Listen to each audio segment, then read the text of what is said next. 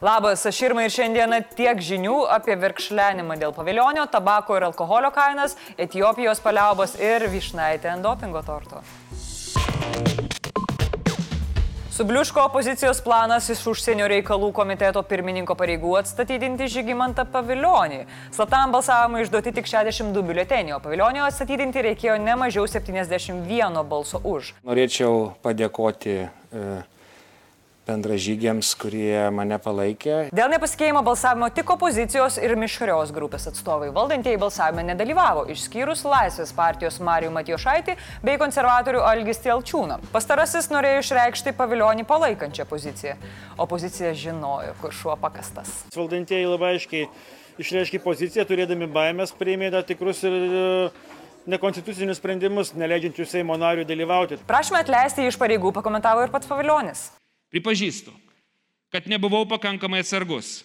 Ir tai man gera, nors įskaudi pamoka. Jis minėjo, jog visa tai yra Kremliaus provokacija, o prieš Lietuvą yra pirmą kartą panaudota deepfake technologija. Ne, ne, gerbiamas žygimantai, jūs tiesiog išdūrė. Ir viskas. Tada buvo užduoti svarbiausi klausimai. Kaip Jūs vertinate konservatorių partijos priimtą sprendimą, kurie pasivadovavo Lukošenkos metodais ir motyvais, išlaužė savo Seimo nariams rankas ir pasakė, šiandien jūsų, dalyv... jūsų balsavime nedalyvauti? Esminiai valstybės klausimai. Kadangi Jūs pripažįstate prezidentų Joe Bideną, sostinę mūsų valstybės pasiklausius jūsų galima suprasti, kad yra Vašingtonas, tai ką jūs veikiate Lietuvos Respublikos Seimo užsienio reikalų komitete? Skambėjo genialūs pareiškimai. Ar jums netrodo, ponas Paviljonė, ką mato žmonės, bet jūs konservatoriai nematysit, jūs ginėt demokratiją visur, tik ne Lietuvoje. Vietos pasisakyti rado netgi Ažuolas, Valius Ažuolas. Jūs atskleidėte viską, kaip kas vyksta mūsų politinėme gyvenime, ryšiai su mafija, jūsų šaika, kiti dalykai, ruošimasi Baltarusijos visokiem neramumam. Jūs visą tai atskleidė, gal tai yra gerai. Man atrodo, paviljonis atskleidė dar ir tai, kad Valius vis dar nemoka užsėti kaukės. Ėjo antri pandemijos metai. Buvo ir nekosminių pasisakymų. Labai aiškiai jie įvardina, kad inicijavimas atleidimo iš einamų pareigų yra faktinis kolaboravimas su Kremliaus režimu. Nedaug, bet buvo. Tačiau tęsiam toliau. Giedrius Surplys su Kestučiu Mažyka kvietė paviljonį atsisakyti pirmininkavimo komitete ir pasimėgauti medaus mėnesių.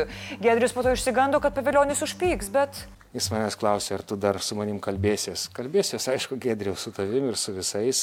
Gerai, viskas, Hebra, nurimstam, balsavimui tiesiog pritrūko parlamentarų. Viskas baigta. Ir baigta gražiai, opozicijos lyderis iš salės išėjo su dovanėlėmis.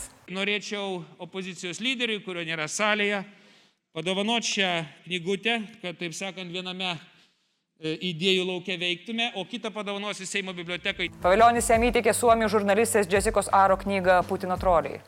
Miela. O valiu jaučiu reikia tutorialą nusiūs, kaip tą kaukę užsidėti, nes kažkaip sunku, kai jam, nežinau. Finansų ministerija į Seimą atsinešė ambicingą planą didinti stipraus alkoholio, kaitinamojo tabako ir cigarečių akcizus. Tačiau klausimas buvo ne ar brangs alkoholis ir rūkalai, bet kiek brangs. Didesnio tarifo augimo įstatymas buvo priimtas. Tai reiškia, kad kaitinamojo tabako pakelis per trejus metus pabranks kiek daugiau nei eurų, degtinės puslitris irgi tiek pat, o cigaretės 55 centais. Kitų alkoholinių gėrimų kainos keisis ne taip radikaliai. Kita met didesni alkoholio ir tabako akcizai biudžetą papildys beveik 30 milijonų eurų, po dviejų metų daugiau nei 36, o 2024 dar beveik 40. Iš ko pažinsi žmogų, kuris neskaitė šveiko? Iš to, kad jisai sako, jog toje knygoje yra parašyta, kad vyriausybė paprankinusi alų pasmerkta žlugti. Dar prieš sprendimą dėl tokio tarifų augimo labai pasipiktino gamintojai, importuotojai ir verslą atstovaujančios organizacijos. Jo, nu kaip kitaip. Aludariai siūlė labai nedidinti akcijų silpniems gėrimams, neva jie turi gerinti šalies alkoholinių gėrimų vartojimo kultūrą, stipriosius gėrimus vartotojai keisti silpnesniais, mažiau žalingais. Alkoholio importuotojai sakė, kad akcizų didinimas nėra logiškas, pas mus jie ir taip aukšti. Nacionalinės tabako gamintojų asociacijos argumentavo, kad didelis akcizų didinimas paskatins vartotojus rinktis nelegalius gaminius. O kaitinamojo tabako gaminių gamintoja Philip Morris piktinosi, kad kenksmingesnių gaminių tarifai tai neauga kažkol taip daug. Premjerė Ingrida Šimonytė Hyteriam turėjo atsakymą, koks skirtumas, koks gaminys. Žala yra žala. O man iš tikrųjų labai smalsu, ar jums kainų augimas padarytų įtaką? Tarpsime, ar mestumėt savo silpnybę dėl eurų ir 50 centų? Parašykite komentarus. Po beveik aštuonis mėnesius vykstančio krūvino karinio konflikto Etijopijoje didelis proveržis. Ugnis liovėsi, kai Tigrėjos regiono sostinė Mekelė įžengė sukilėliai. Sukėlėlius pasivadinusius Tigrėjus gynybos pajėgomis vietos gyventojai gatvėse sutiko muziką, dainomis ir plevisuojančiomis vėliavomis. Vos įkėlė koją į Mekelę, laikinoji Tigrėjos administracija susikrovė manatkės ir pasipūstė padus. Ir kai sakau susikrovė manatkės, tą ir turiu galvoje, nes bėgdami jie ne tik plėšė bankus, bet ir neteisėtai konfiskuodavo žmonių automobilius. Nuo federaliniai valdžiai neliko nieko kito, kaip paskelbti besąlyginės paliaubas. Junktinių tautų generalinis sekretorius Antonijo Gutierrezas išreiškė viltį, kad paliaubos bus efektyvios. Junktinės valstijos, Airija ir Didžioji Britanija paragino surenkti skubų Junktinių tautų saugumo tarybos viešą posėdį. Karas Tigrėjuje prasidėjo, kai regioną atstovaujantį partija Tigrėjaus liaudės išsivadavimo frontas lapkritį užpuolė federalinį karinį objektą. Jie teisinosi, neva tai buvo prevencinė gynyba. Etijopijos premjeras Abijas Ahmedas, Nobelio taikos premijos laureatas, buvo priverstas siūsti karius. Abijo Ahmedo pajėgoms pavyko užimti Mekelę, bet intensyvios kovos nesiliovė. Per konfliktą buvo nužudyta tūkstančiai žmonių, o beveik 2 milijonai žmonių turėjo palikti namus. Vyko lytinis smurtas. Gavęs taikos premiją už konflikto su Eritrėja užbaigimą, jis abijas paleido tūkstančius politinių kalinių, panaikino nepriklausomą žiniasklaidos apribojimus, pakvietė šalies opozicijos grupės sugrįžti į šalį iš tremties ir įsteigė taikos ministeriją, o dabar įsivėlė į karą. Alyvo šakelė kartais virsta kalašnikovo automatu. Gyvenimas yra įdomus. Kaltas. Tokį sprendimą galutinai ir neskundžiamai Lietuvos aukščiausiame teisme išgirdo dopingo platinimu kaltinamas buvęs Lietuvos sunkiosios atletikos federacijos prezidentas Bronislavas Višniauskas ir dviračių sporto treneris Antanas Jekimavičius. Abiem teks sumokėti po 5000 eurų baudos.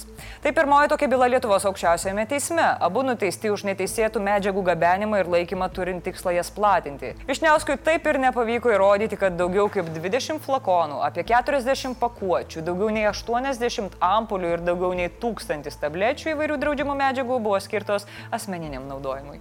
Višniauskai, tokius kiekius asmeniniam naudojimui galima aptikti tik SEL koncerte, pudros vakarėliuose ir pasurlausko YouTube kanalo fanus. Pasak Lietuvos aukščiausiojo teismo, treneriai puikiai žinojo, kas tai per medžiagos ir savo veiksmais kėlė pavojų sportininkų sveikatai bei sąžiningo sporto principui.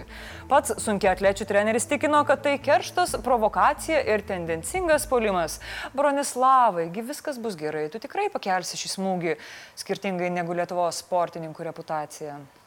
Dopingų bylos tyrimas buvo pradėtas prieš keturis metus. Kartu teisėmųjų suolė sėdėjo ir Višniauskas jaunesnysis, bet buvo išteisintas. Aptiktam kiekiu steroidukų Višniukas turėjo gydytojo receptus. Jo gydė peršalimą, taip.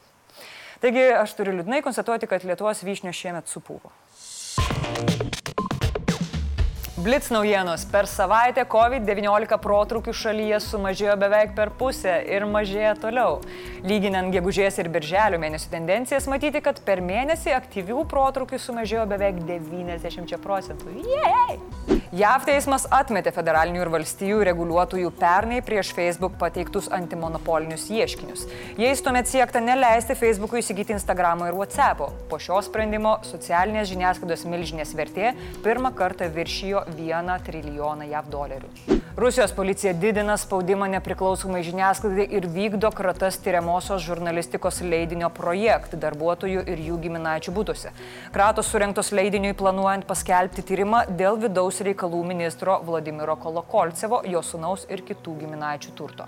Graikija paskelbė atgavusi Pablo Picasso asmeniškai graikams 1949 metais padovanotą paveikslą Moters galva. Paveikslas beveik prieš dešimtmetį draugė su kitais dviem buvo įžūliai pavoktas iš nacionalinės galerijos, o štai dabar surastas kaimiškame Keratėjos rajone. Hebra, jeigu galvojat pasimti gyvūną iš prieglaudos, įsijunkit gyvūnų ministeriją ir žinosit, kaip tą padaryti teisingai. Jeigu galvojat mest gerti ir rūkyti, jau yra pats laikas tiesiog, o šiaip tai eilinis katinėnas tarnybai pasiruošęs.